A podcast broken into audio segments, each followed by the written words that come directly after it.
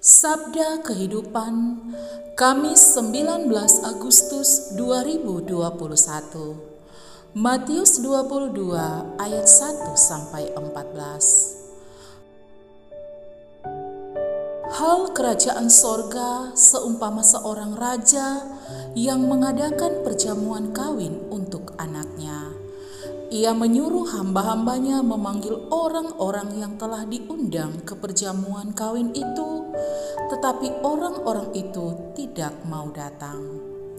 Dengan berbagai cara, Yesus mengingatkan kita betapa Allah merindukan kita berada bersamanya di hadiratnya yang kudus, penuh kemuliaan dan sukacita. Yesus menggambarkan suasana perjumpaan dengan Allah bagaikan sebuah pesta perjamuan kawin anak raja.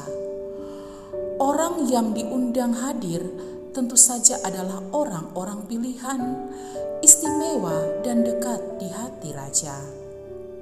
Bayangkan saja bila kita menerima undangan untuk ikut upacara 17 Agustus di Istana Negara disertai jamuan kenegaraan.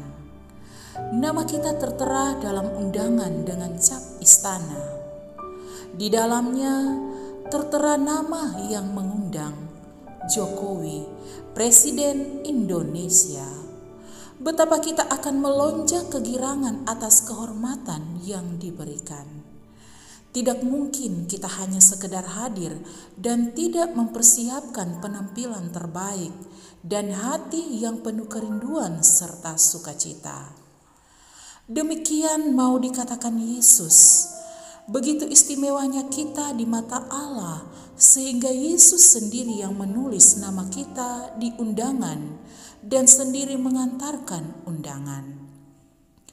Mari kita bangun suasana hati dan jiwa yang penuh kerinduan, gairah dan sukacita untuk berjumpa dengan Allah. Yesus yang sangat kita kenal dan begitu dekat dengan kita, jadi Tuhan pesta.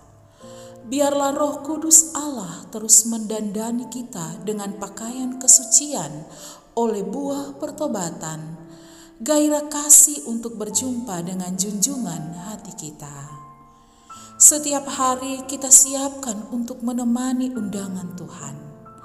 Antara lain melalui persekutuan jemaat, doa keluarga, jamuan ekaristi, langsung atau live streaming. Ini aku Tuhan, aku mau hadir untukmu. Jangan hapus namaku di surat undanganmu. Hatiku siap sedia, ya Allahku. Selamat hari Kamis, Tuhan Yesus menemani kita. Pastor Revi Tanot PR